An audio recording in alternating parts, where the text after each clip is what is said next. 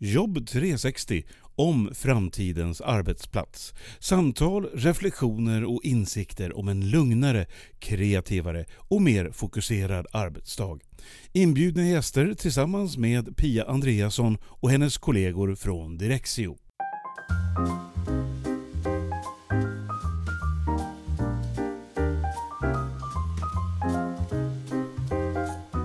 Precis när vi alla har vant oss vid att ha digitala möten via Teams eller Zoom så kommer nu nästa utmaning. Några är tillbaka på kontoret, några sitter kvar hemma för att arbeta och vi behöver veta hur man genomför hybrida möten. Så det kommer vi att gå in en del på här i de närmaste avsnitten av Jobb 360. Och först en väldigt viktig sak, det här med tekniken. Alltså vad behöver man ha på plats för att göra ett riktigt bra möte? Vare sig det är ett digitalt möte eller ett hybridmöte med några på plats i rummet och några ute i landet och kanske i andra delar av världen också. När jag var med på Teamsdagen så träffade jag en spännande person som kan mycket om det här, Annie Pettersson. Så jag tänkte mig att jag pratar med henne och hör vad hon har att berätta om det här med tekniken. Välkommen till Jobb 360!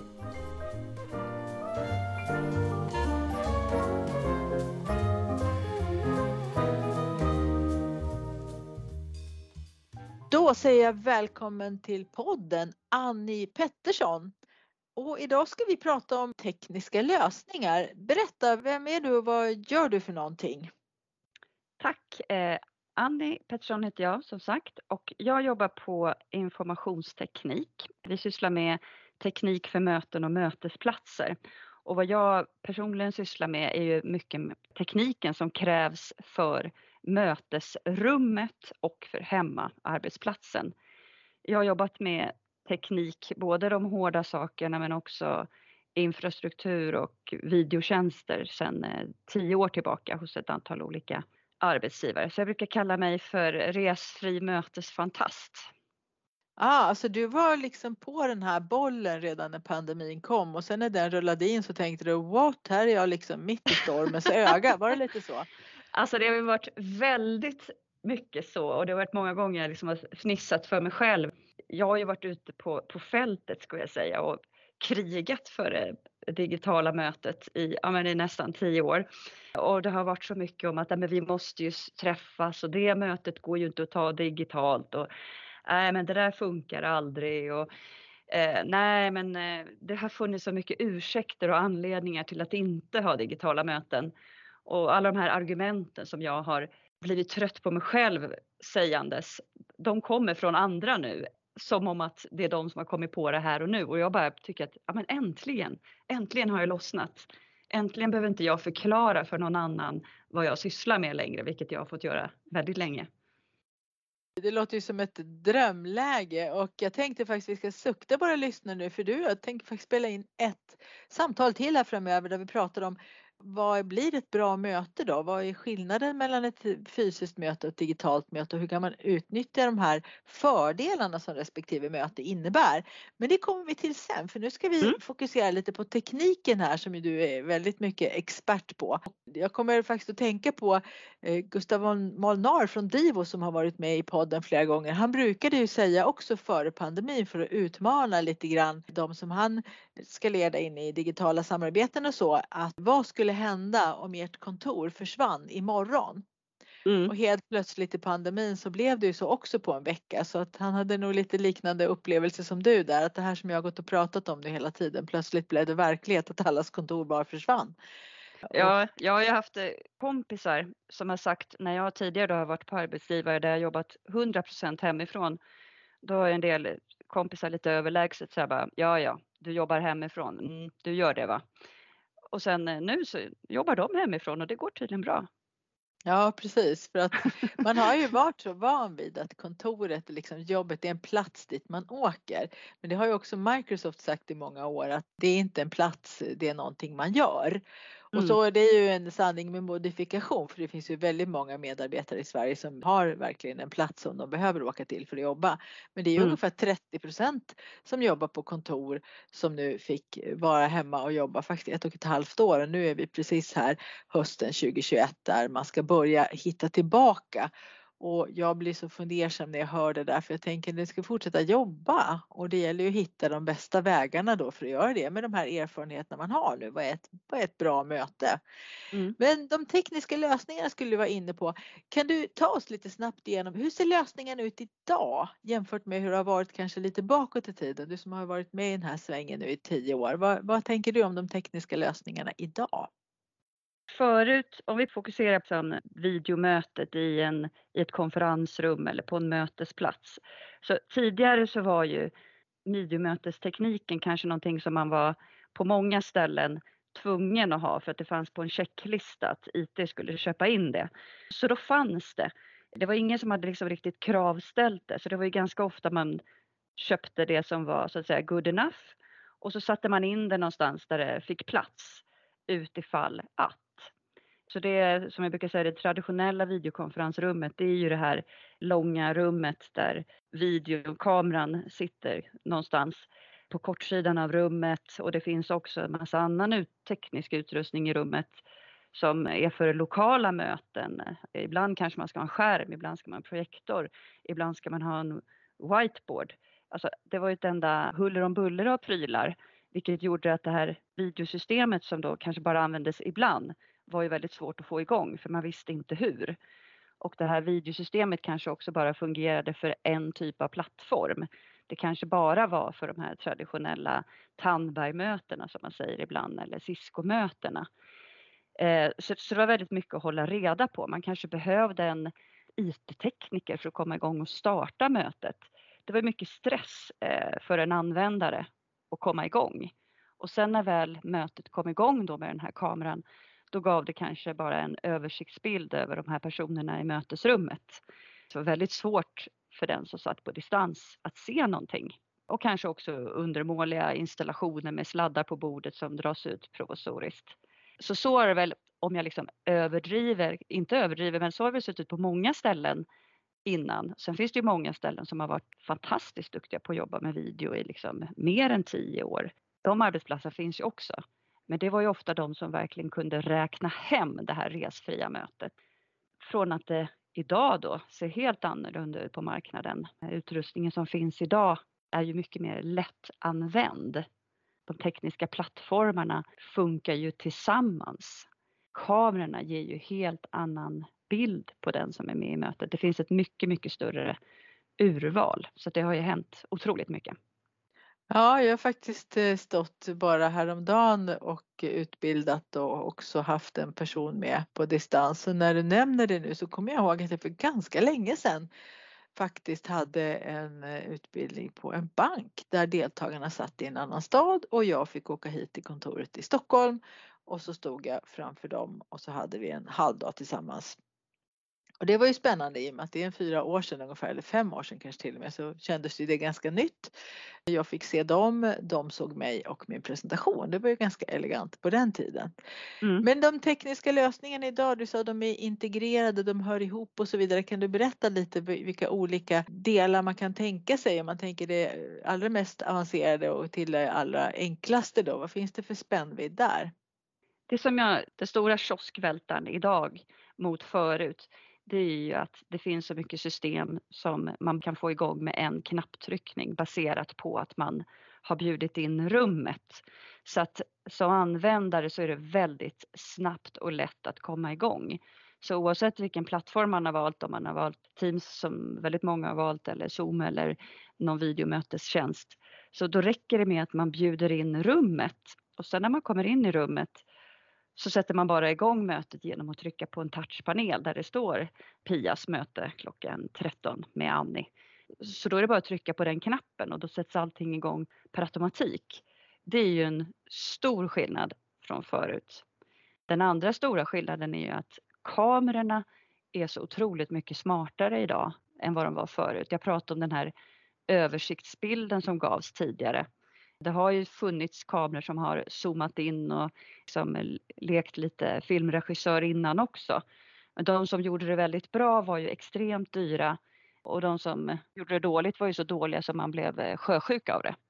Idag så har ju de flesta tillverkare kameror som klarar av att gruppera folk i rummet, kanske till och med följa den som pratar i rummet på ett mycket behagligare sätt än förut. Så att lägsta nivån för videokameror har ju ökat otroligt och användarvänligheten att komma igång. Så det säger som den stora skillnaden. Jag hade faktiskt en sån panel just igår där rummet var inbjudet och jag kunde mm. med touch då eh, skruva lite på inställningen och så. Om vi pratar om de tekniska lösningarna så finns det både fasta och mobila lösningar idag. Jag tänker om man, är, eh, man behöver flytta sin utrustning och så eller måste man skruva fast den i väggen för att det ska bli bra? Min rekommendation på ett kontor, mötesplats, det är ju att ha fasta installationer. För att de här mobila lösningarna, så fort man ska flytta på någonting så är det ju liksom en risk. Och när det är mobila lösningar så behöver du ju också ha lösa sladdar. Vilket både betyder då att det är ju risk att de här sladdarna kanske används till någonting annat om någon behöver en sån sladd och går förbi rummet. Det är ju liksom en klassiker att man själv saknar någonting och så går man in och bara ska låna någonting. Där hänger ju en sån sladd och det är ju ingen i rummet. Så att har man inte liksom satt fast de här sladdarna så är det ju stor risk att någon lånar dem. Och det är också ju mer gånger man håller på och trycker in och ut så blir det ju mycket större slitage. Och eh, ligger sladdar lös på golvet, folk trampar på dem. Och om man pratar om det estetiska och att det ska vara välkomnande och härligt att vara på kontoret så, så är det ju inte härligt med en massa sladdar som hänger och slänger. Och det gör ju också att användarna kanske tycker att det är läskigare att använda det om de förväntas installera varje gång eh, ett mötesrum. Så jag tycker att mötesrum, de ska finnas video i alla mötesrum. Sen behöver ju inte alla mötesrum ha den liksom eh, mest high-tech utrustningen utan det är ju lite grann som att ja, men ibland har man gympaskor, ibland har man högklackat som jag brukar prata om att folk är ju smarta. Om jag vet att jag ska bara ha ett snabbt check-in möte med, med Pia och vi träffas varje vecka det är klart jag jättegärna vill se Pia, men vi ska ju faktiskt mest titta i det här Excel-dokumentet. Då kan jag gå in i ett litet rum med en lite enklare videoutrustning. Jag styr den likadant som i alla andra rum. Senare på eftermiddagen ska jag ha ett styrelsemöte med hela ledningsgruppen och vi ska sitta där i, i fyra timmar och titta på presentationer. Ja, men då behöver jag ju en annan typ av rum med kanske en bättre kamera för att vi ska vara fler i rummet. Jag behöver kanske ha två skärmar för att jag ska kunna få presentationen på en skärm och de andra på en annan skärm. Men jag tror att alla mötesrum behöver ha video. Men sen så ska alla mötesrum på samma enkla sätt sättas igång. Och det ska vara lika lätt att presentera i alla mötesrum. Så det är alltså inte alla tekniska finesser på respektive utrustning som, som är huvudgrejen utan att det ska vara lika enkelt för användaren? Ja, precis. Ja men mm. och sen så måste det också såklart eh, finnas rum där det finns så att säga kanske svårare teknik eller vad man säger. Det beror på vad man lägger in i svårt. Men det finns ju kanske en del typer av möten och en del personer som behöver tillgång till mer komplexa lösningar för att kanske köra eh, distansmöten med 3D-ritningar. Men det är ju samma sak som att man vet ju själv vad man eh, har behov av. Liksom om jag inte behöver den där funktionen så då behöver jag inte lära mig den, men jag behöver ju lära mig att kunna presentera i det rummet och då ska det ju vara likadant i alla rum. Så att, eh, det är ju inte fel att det finns eh, mer avancerad utrustning i vissa rum. För man har ju olika typer av behov, som att ja, men ibland behöver man vara lite flottare och ibland behöver man eh, ha på sig gympaskorna. Ja, det var en bra liknelse faktiskt, högklackat eller gympaskor. Och jag tänker också att vi har ju nu alla blivit lite bortskämda egentligen på ett sätt i och med att det är så förhållandevis enkelt att starta upp då ett möte med flera i Teams eller Zoom eller vad man använder och man har lite olika finesser där som man kan använda sig av. Och då tänker man ju att eh, ja, ibland såklart hakar det upp sig och alla har väl blivit utslängda någon gång från ett möte och fått kliva in igen för att man har tappat uppkopplingen och så. Och att även vi har lärt oss att det här går att göra via telefonen eller via paddan när man är ute på språng så kan man ta ett snabbt möte. Deltagarna igår som faktiskt eh, lärde sig Teams, Microsoft Teams nästan för första gången. De upptäckte ju väldigt snabbt när jag visade dem att man kan starta ett möte direkt ifrån chatten. Mm. Att om man är tre stycken med i chatten då får man ju alla tre med i mötet. Det tyckte de var jättekul. Och det gillar jag sådär när, när man får lära sig någonting och så upptäcker man och undersöker. Och det är ju också en del i användarvänligheten att det det går att liksom leta sig fram och det säger många att det behöver vi kunna göra idag. Så hur är det med de här tekniska lösningarna som finns? Om man har lärt sig en då, skulle du säga att det, då förstår man de andra också? Om man nu har en sån här videomöteslösning i ett rum som är lite enklare, kan man då leta sig fram även med den mer avancerade lösningen och hitta rätt i okay. den också? Om vi pratar om Teams till exempel, då finns ju Teamsrumssystem som det heter. Och det är ju egentligen Teams i mötesrummet eh, där du liksom har en egen enhet, eh, en Teams-licens som ligger på rummet. Så det betyder att har du bjudit in rummet och trycker på den här knappen för Pias möte, då kommer det upp ikoner som handuppräckning där också. Då behöver du inte koppla upp din egen dator såvida du inte ska presentera någonting. Så det är ju väldigt enkelt. Sen så kan ju ett rum vara så att i ett sånt rum, där har vi bara kamera och skärm och vi kan mötas och vi kan dela dokument med varandra från vår eh, personliga enhet. Eller vi kan bara mötas och sitta och prata. I ett annat rum där kanske du behöver fler kameror. Du kanske behöver en kamera på den som pratar och en annan kamera på deltagarna. Ja, då kan du styra med att välja olika kameror. Men själva användargränssnittet är alltid detsamma. Starta möte, hitta adresser och presentera. Det ser alltid likadant ut. Sen behövs det en mer komplex lösning i ett större rum. Men det är ju ingenting som du som användare behöver så mycket bry dig om utan det är ju när man designar lösningen att okej, okay, här vill vi ha takmikrofoner eller här vill vi ha högtalare i taket. Här vill vi ha sladdlöst. Så att det är ju mer när man designar lösningen som användare så ska det kunna vara lika lätt oavsett vilket rum det är i och det ska vara på samma sätt. Det känner jag, det är lite grann, det är där i hemligheten ligger att det är lika lätt att ansluta. Så det är en viktig sak att tänka på när man nu ska rigga framtidens kontor att, att det behöver för användarna som ska in i de här rummen och ha de här mötena så behöver det se likadant ut så att man inte går i fällan och köper ett par tre olika lösningar vartefter utan att man håller sig till samma helt enkelt användargränssnitt. Ja men precis. Det fina är ju med de här Teamsrummen till exempel eller Zoomrummen för den delen det är ju att även om man köper olika producenters produkter. Det finns ju olika tekniktillverkare som tillverkar både Teamsrum och eh, Zoomrum. Så ser ju alltid touchdisplayen likadant ut. Så det går ju att blanda på så sätt. Sen finns det ju, varje tillverkare har ju olika sortiment för beroende på hur stort rum du har. Så att det går ju att hålla en tillverkares eh, samma bana hela vägen ut om man vill. Man kanske är två bolag som slås ihop. Säg det till exempel att den ena har köpt eh, all sin teknik som det står eh, Crestron på och en annan har köpt all sin teknik som det står Logitech på.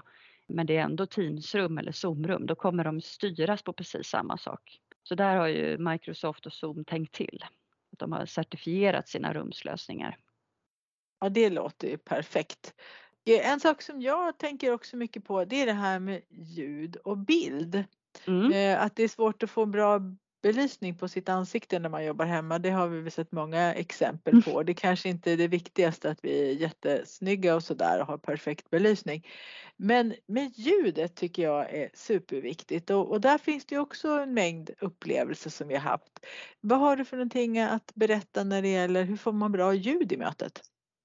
A och O är ju att ha ett professionellt headset eller om man inte gillar att ha headset, att man har en sån här ljudpuck som är professionell. Och när jag säger professionell så menar jag att den ska ju vara certifierad för UC, alltså Unified Communication. Eller har man valt sin plattform som Teams till exempel, då, då kan man ju passa på att köpa certifierat för Teams. För det betyder ju att den här utrustningen är säkrad för Teams och att det finns ju en uppsjö av kvaliteter och priser för de här headsetsen och tillbehören. Men vad det hela handlar om är ju att det ljudet och mikrofonen är ju alltid det viktigaste. Så en vanlig fälla är ju att man sitter med sina snygga konsumentlurar och tycker att det låter jättebra. Men det betyder ju inte att det du själv säger låter lika bra in i mötet. Så att man behöver satsa på certifierad utrustning Både för att leverera bra ljud till de man har möte med för att minska risken att de ska bli trötta på att lyssna på en. Men också ifall det skulle vara något problem i mötet för att kunna felsöka efteråt och felrapportera. Det kanske inte är sånt där som en vanlig användare tänker på men det är ju någonting som IT tänker på framförallt att ska de eh, få support på sina användares möten hos Microsoft eller Zoom då kräver ju de att det är utrustning som är certifierad för Teams och Zoom. Så headset eller puck och headset finns ju mängder av tillverkare och det finns ju också det här med bullerdämpande, att det bara tar precis det ljudet som kommer ur min mun. Det kommer inga skällande hundar eller lastbilar som går förbi. Ja, det är ju ett problem som man har stött på många gånger, framförallt då det här med, med rundgång och det är väl mm. främst när man kanske använder datorns mikrofon, eller hur? Man har inget headset alls. Det är väl då man kan stöta på det problemet. Precis, för då går ju både det ljudet som kommer ut ur datorns högtalare, det kommer ju också in i mikrofonen. Och där kan det ofta vara så att man kanske själv i rummet tycker att men det, här, det här är inte så tokigt. Men det är jättejobbigt för den som sitter på andra sidan. Jätte, mm, jättejobbigt. Det tyckte jag faktiskt alldeles i början på pandemin att det var mera sånt. Och, mm. och det, det pratades mycket om att alla måste ha headset och så vidare. Och sen nu här Eh, senaste halvåret tycker jag man ser alla sitta med headset och, och, inte de problemen med rundgång längre. Nu är det det här med bullerdämpning som, som man skulle kunna vilja ha lite bättre då men även där finns det ju lösningar. Jag brukar alltid säga till mina deltagare att om jag hör något sånt här främmande ljud så behöver vi inte bry oss om vem det kommer ifrån utan jag sätter bara alla på mute då och stänger av alla mikrofoner och sen får man slå på den igen när man ska prata. Mm. Eh, och det är ju kanske någonting vi kommer in på nästa gång då när vi ska prata om eh, vad, vad gör ett bra möte då som digitalt eller hybrid. Jag, jag är ju själv lite sådär, jag tycker, jag är lite kaxig kanske, men jag tycker ju inte att man ska hålla på och trycka med mute såvida det inte är så att man sitter i en bil för då, då spelar det inte så stor roll hur bra headset du har då blir det ändå massa kringljud från, från bilen eller om du är ute och går på stan. Men jag tycker att sitter man vid sin arbetsplats hemma eller på jobbet, då ska man inte behöva muta förutsatt att man har ett bra headset. Och har du ett bra headset, då behöver du inte muta. Nej, det är klart. Jag, när jag utbildar så har jag ofta en 12-15 personer framför mig och det är inte alltid som alla har något sånt där bra headset. Man ser ibland att vissa IT-personer har det, men man undrar varför mm. kan inte alla få det då på företaget? Och även om man har tillgång till det så är det inte säkert att alla har förstått att man ska använda det. Så det här är en, en informationsfråga också, att man berättar för människor det här som du säger, att varför är det viktigt nu just nu att du har faktiskt den här utrustningen för, så att mötena blir bra. Ja, men jag träffade ett företag för inte alls länge sedan. De skulle flytta in i nya lokaler så hörde de av sig till mig och ville ge alla ett headset som, som present. Och då hade de valt ett konsumentheadset, sportlurar helt enkelt. Och då så, sa jag, så frågade de mig, ja men kan vi få köpa det här av dig? Så sa jag, men det där är ju konsumentartiklar. Jag säljer inte konsumentartiklar eh, utan du behöver ju ha något som är, som är professionellt. Och så kikade vi då på motsvarande som var professionellt och då kostade det ganska mycket mer. Och då kom vi just till den här diskussionen att okej, okay, men om vi, om vi ger dem de här konsumentprodukterna, för det var ju inte meningen att de skulle ha det till jobbet, det var ju meningen som en kul grej. Men får du en kul grej av ditt företag, då kommer de ju vilja använda dem till jobbet också. Och vad tänker då den anställda att här fick jag ett headset men det funkar inte i jobbet, då behöver jag ett headset i jobbet också inte. Nej, och då behöver företaget köpa ännu ett headset. Så de där diskussionerna kan ju bli, och, och det, är, det är viktigt att hålla koll på det där och förstå varför, varför det är skillnad på priserna mellan konsumentprodukter och eh, professionella produkter. Nej, det kan man ju förstå som du säger att man tar lite det man har hemma. Jag tänkte jag skulle få något bra råd av dig för det, det fick jag ju nu då, då i och med att du tycker att jag ska sikta på såna här eh, riktiga produkter. Jag har ju också en sån här lite B-lösning här hemma och jag tycker att det funkar ju bra för mig. Mm. Men faktiskt då är det så att jag hade en annan typ av headset i början och upptäckte att eh, ibland, ibland bara så var det problem. Inte alla gånger men så var det någon enstaka gång då någon sa Pia nu, hör, nu funkar inte ditt headset så jag bytte ut och hade några stycken som jag växlade mellan. Jag lyckades ju aldrig klura ut varför plötsligt det inte funkade. Jag fick ju bara då i kursen byta det där eh, headsetet mot något annat som jag hade liggande och så funkade det och så körde jag det. Men eh, hur kan man som, som enskild användare då på ett företag, hur, hur vet jag om jag har bra grejer? Hur känner man skillnad på en konsumentprodukt som du säger och en mer professionell produkt? Känner skillnad, alltså man, man behöver ju veta vad det är för typ av produkt man har. Och har man varit och, och köpt det på jag ska inte säga några, några affärer, men har man köpt som privatperson så är det förmodligen inte en professionell produkt utan man ska säkerställa att använder man Teams då ska man säkerställa att det är Teams-certifierat eller UC-certifierat då, då, som det heter. Det är ju någonting som jag tycker att man ska be sin arbetsgivare om och jag tror att väldigt många eh, arbetsgivare har det här på bordet just nu. För att ska man göra det möjligt för folk att jobba hemifrån så behöver man ju erbjuda professionella produkter och, och, du säger att det är inte är så viktigt att jag ser bra ut med, med ljuset. Men jag tänker ur ett större perspektiv så både att känna sig bekväm men också hur man presenterar sig själv säger ju någonting om det man, det man levererar. Så jag tycker man ska ge sina medarbetare de, de bästa förutsättningarna att jobba hemifrån med en professionell extern kamera eh, och ett professionellt headset. Det tycker jag faktiskt. Som en del i varumärkesbygget helt enkelt. Att ja, att vi ja. tycker att våra medarbetare är värda det bästa. Ja, och sen känner jag också att eh, vill man att ens medarbetare ska använda digitala möten och jobba hybrid och digitalt, då måste man ju göra så att de känner sig trygga i det. Du är ju bekväm i det här och du känner att jaha, funkar inte det headsetet så funkar det, så funkar det där. Det är lugnt, Eh, tänker du. Men jag kan ju också tänka mig att det är väldigt många användare som blir frustrerade och rädda och tänker att men det här med digitala möten var nog ingenting för mig. Det funkar ju ändå aldrig. Och så ger man upp där då när de här headseten inte fungerar som man vill. Ja, eller man känner sig obekväm och osäker för att det funkar i ett möte men inte i nästa liksom. Ja, det blir eh. lite samma sak där som de här gamla konferensrummen. Om man behöver sitta där med tre olika fjärrkontroller för att få ihop ett möte. Det är väl klart att man inte känner sig trygg i att ha digitala möten då. Det är väl klart att man fortsätter tycka att nu får vi bestämma oss. Antingen ses vi eh, fysiskt eller så ses vi allihopa framför vår dator. Vi vill inte ha de här hybridmötena. Ja, men det är ju för att man är rädd för någonstans att misslyckas. Det är ett stresspåslag. Jag tror ju att man verkligen måste acceptera det här med hybridmöten för jag har hört en annan organisation som har sagt just så som du sa att ja det här med hybridmöten det ska vi verkligen försöka undvika.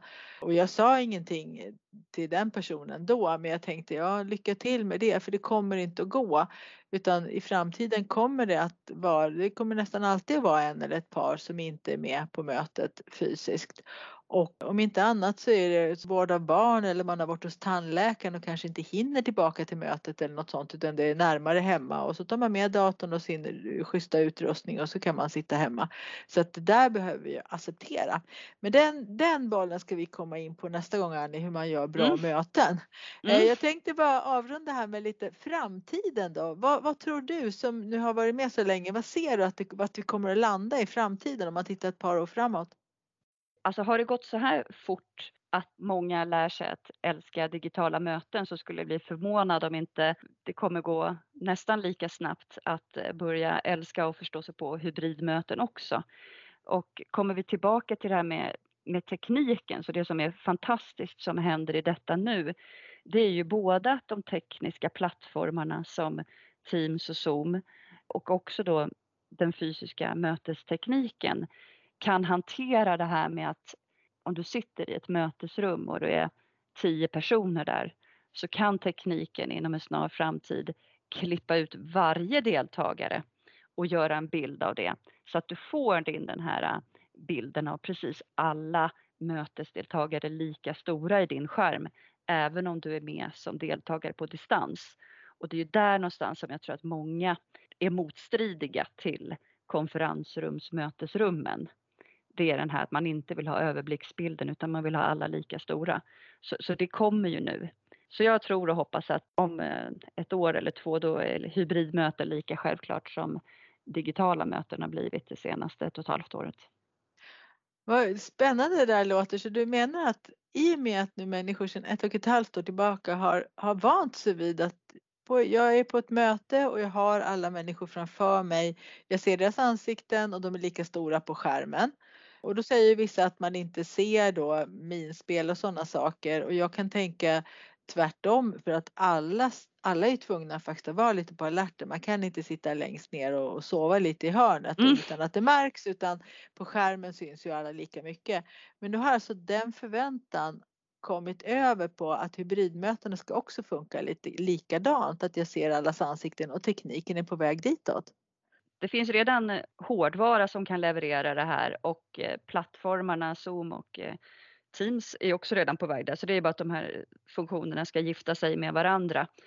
Och det är ju inom en väldigt, väldigt snar framtid. Det kan man ju redan nu googla fram på Youtube för att se hur det, hur det kommer att se ut.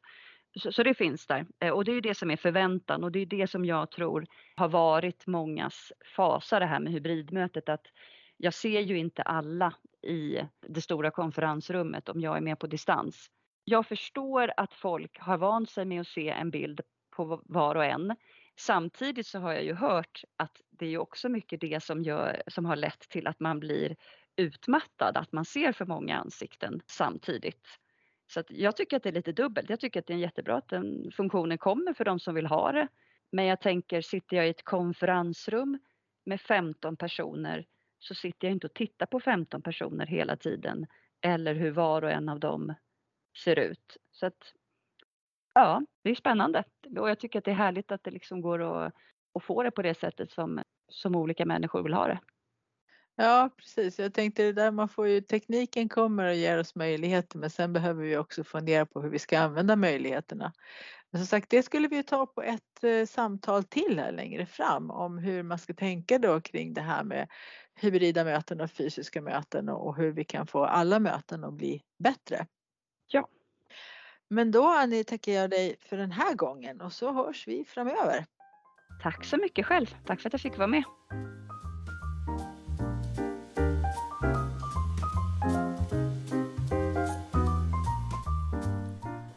Sådär, då har man fått lite mera kunskap om de tekniska möjligheterna för att genomföra digitala möten idag och också lite grann om vad som kommer i framtiden.